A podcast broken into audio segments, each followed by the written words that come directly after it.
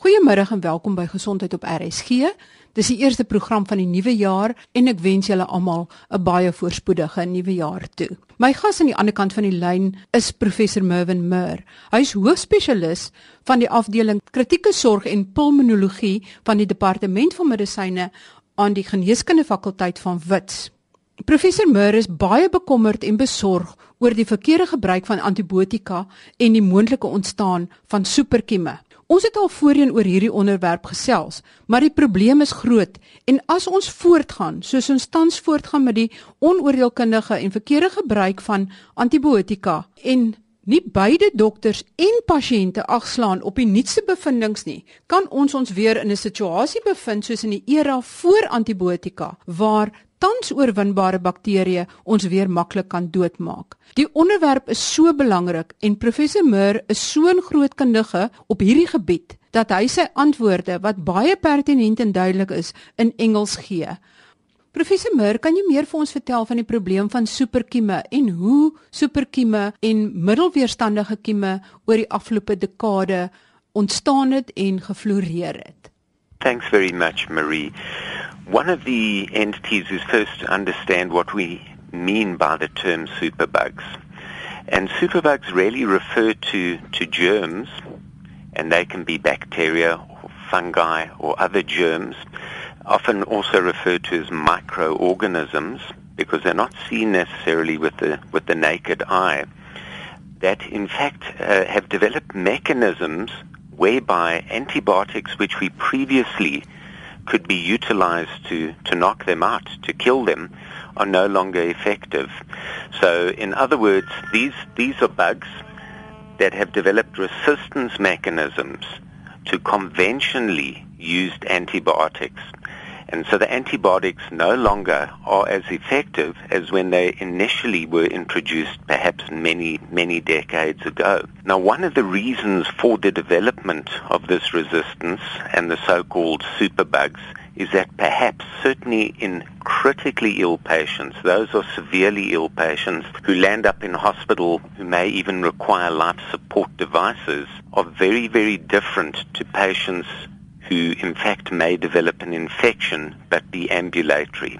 And this relates to the fact that these patients have changes that occur within the body that mean that the way that we dose the antibiotics may not be correct. We may be giving too little antibiotic to knock out the bugs. One of the things that happens when these patients become severely ill is that a mechanism is set in place whereby the body in its own right tries to defend itself against the germ and as a consequence of that various mediators are released in the body and they cause leakage of fluid from outside of the vessels of the body.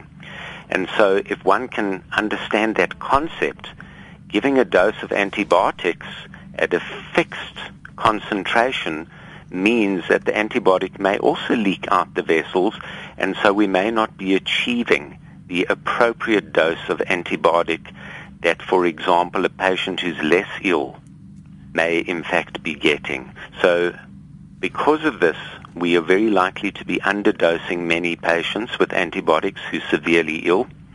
That means that the bugs are not necessarily killed directly. They can mutate and they can become resistant to the antibiotics.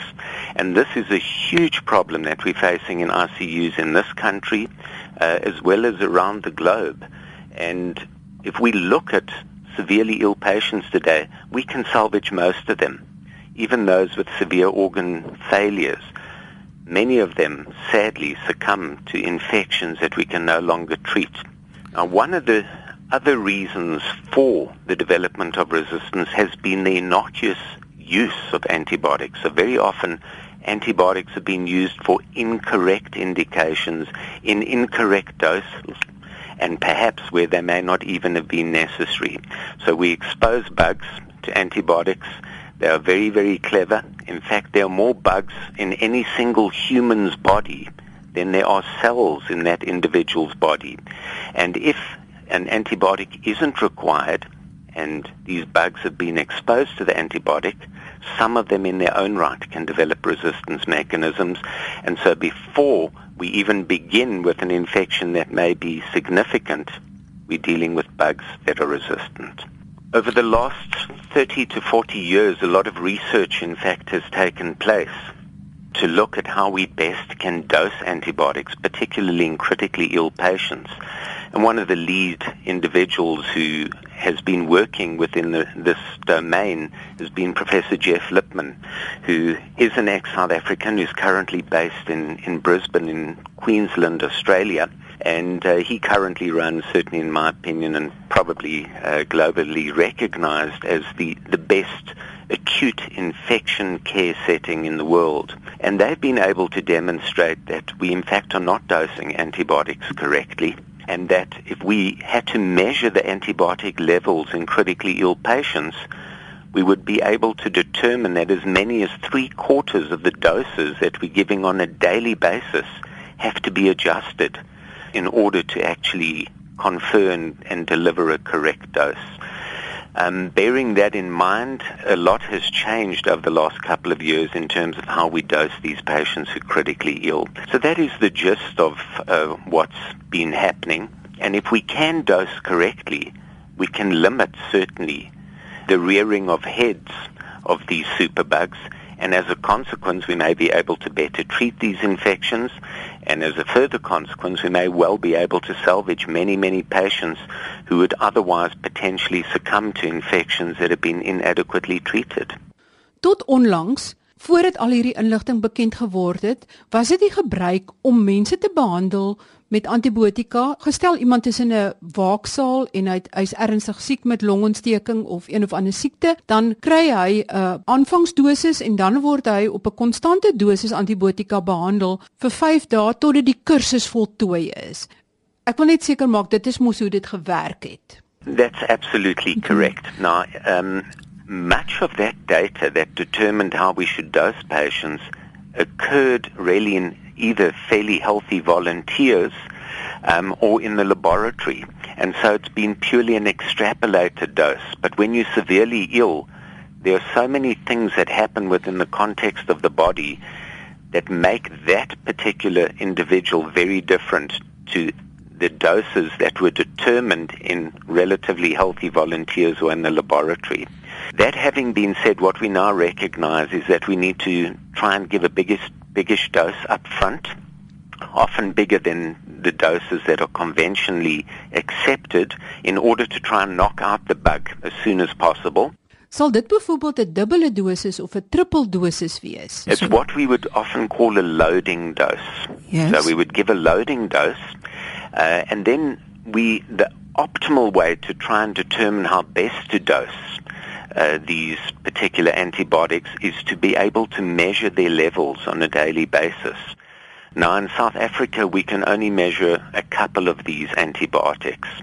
For example, in Professor Lipman's setup, they are able to ve- measure the vast bulk of antibiotics. So every single day, patients on antibiotics in their ICUs will have the levels measured and adjusted to um, meet the requirement in terms of what's deemed to be a most suitable level to knock out the bug. And uh, so we've been liaising extensively with them, and we hope to bring a lot of that technology, in fact, to South Africa.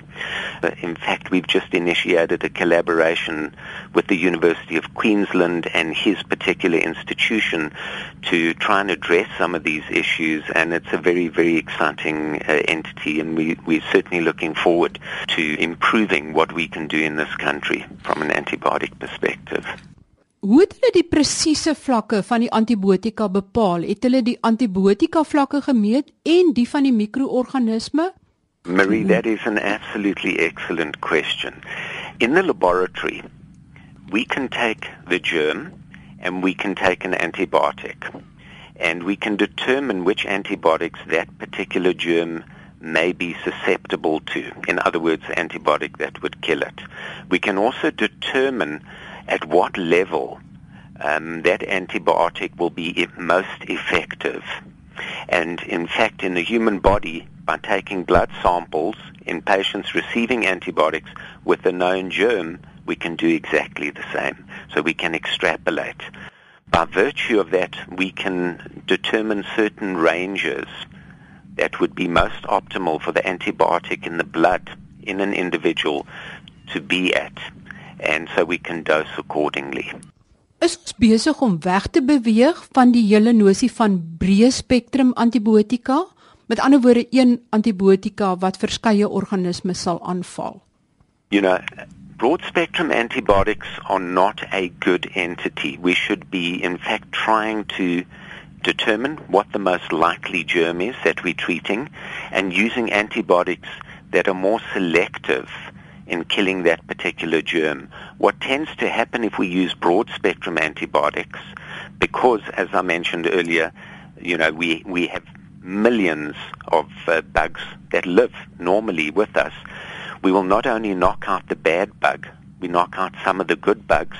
We change the homeostasis of this milieu. And in fact, some of these good bugs that we knock out, because they've been exposed to antibiotics, may themselves develop resistance.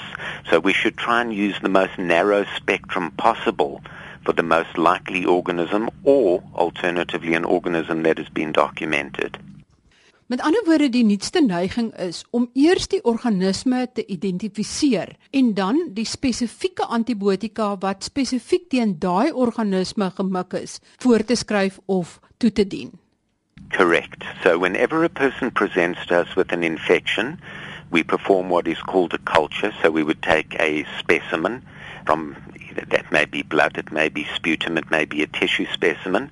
We try and grow a particular germ, if that is identified, we try and direct an appropriate antibiotic towards that germ, but often this takes some time. So it is important to have a good idea initially as to what the likely germ is and select an antibiotic that is deemed to be most suitable to cover that germ. Once it's been identified, if it is identified, we can always what we refer to as de-escalate the therapy to a most suitable antibiotic. So in other words, a spectrum of antibiotic that would most likely just deal with that particular germ itself. Met ander woorde, dit verg nou al hoe meer kundigheid en dit het nou 'n nuwe veld van kundigheid of ekspertise geword, heel anders as byvoorbeeld 'n dekade of 2 gelede. There's no question of doubt about it. If we have a look at the number of people around the globe who in fact die from infections. And infections and infectious diseases, wherever we are in the world, are amongst the leading causes of both severe illness as well as death. In fact, around about 60 million people around the world die every year, and as many as 25 million of them will die from an infective cause. Uh, which is a really serious issue. In developing countries, it's even a greater problem So in South Africa, the single most important cause of death in this country is an infectious germ. It's tuberculosis. And it's really a major, major problem. And unless we can protect the antibiotics that we have, because the companies are not producing new antibiotics in large volumes anymore. Um, we have a limited armamentarium. We have bugs that are outsmarting the antibiotics that we've got. We need to educate people to dose correctly and to dose appropriately.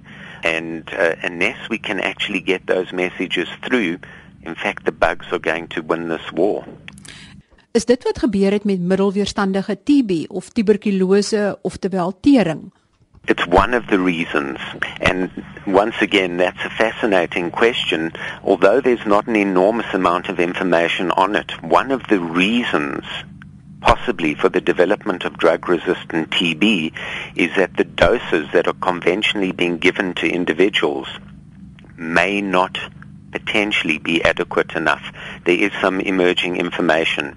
Another reason for the resistance in tuberculosis is that patients may not necessarily be as compliant as they should be with the therapy, but underdosing is certainly an issue for which there's emerging information, and it's an entity, in fact, we're going to be addressing and looking at moving forward into the future. Ontvang TB pasiënte in Suid-Afrika al die nodige anti-TB medikasie wat hulle behoort te kry? Want ek weet dat in die ou Rusland is dit steeds 'n probleem dat baie van die pasiënte net byvoorbeeld een van die drie medikasie of twee van die vier medikasies ontvang wat hulle behoort te kry. Most of the time absolutely. It's absolutely correct. But it's a real epidemic. In fact, it's the number one killer in, in this country. And uh, if we look uh, around the globe, around about 9 million new cases of active disease occur every year. And if we look in the South African context, around about 1% of the South African population at any point in time has active TB. That's at least 500,000 cases per year. And so it makes us the leading nation in the world uh, with TB, which is probably not something that we should be that proud of. As 'n pasiënt wat TB het, op hierdie oomblik na hierdie program luister, wat sou jou raad aan daardie pasiënt wees om te voorkom dat hy self middelweerstandige TB ontwikkel? The most important thing that they can do is stick to the regimen of the TB therapy that they've been given. And if the symptoms persist uh, beyond several weeks, despite adequate therapy, or if TB is still being documented in that particular individual despite what appears to be appropriate therapy, then they need to be checked for resistant TB. And there are various forms of resistant TB. We talk about so-called multi-drug resistant TB. And what that means is that two of the first line agents that are normally used for TB no longer are effective. And so second line agents need to be utilized in, in that particular setting. But there are also further forms of even more resistant TB um, that we call extremely drug resistant tuberculosis and there we have to look for certain regimens to try and treat them. And there's even been now what we refer to as totally drug-resistant TB, where all agents are no longer effective. So the best message that one can give to people who've got tuberculosis, and there are many, many South Africans with tuberculosis, is stick to the medications, and if TB is still being cultured, you need to go back and whether you're seen in a clinic or hospital independently, privately, and the whole scenario needs to be reevaluated to make sure that there isn't one of these drug-resistant forms of TB which might result or require a change in therapy. Op daardie noot sluit ons aan die eerste deel van hierdie program af. Ons gesels volgende week verder oor die ontstaan van superkieme, hoe antibiotika gebruik moet word, middelweerstandige TB en ook hoe om strepkeel uit te ken. Want dit is een van daardie toestande waarvoor jy beslis antibiotika nodig het. Tot volgende week dan. Totsiens.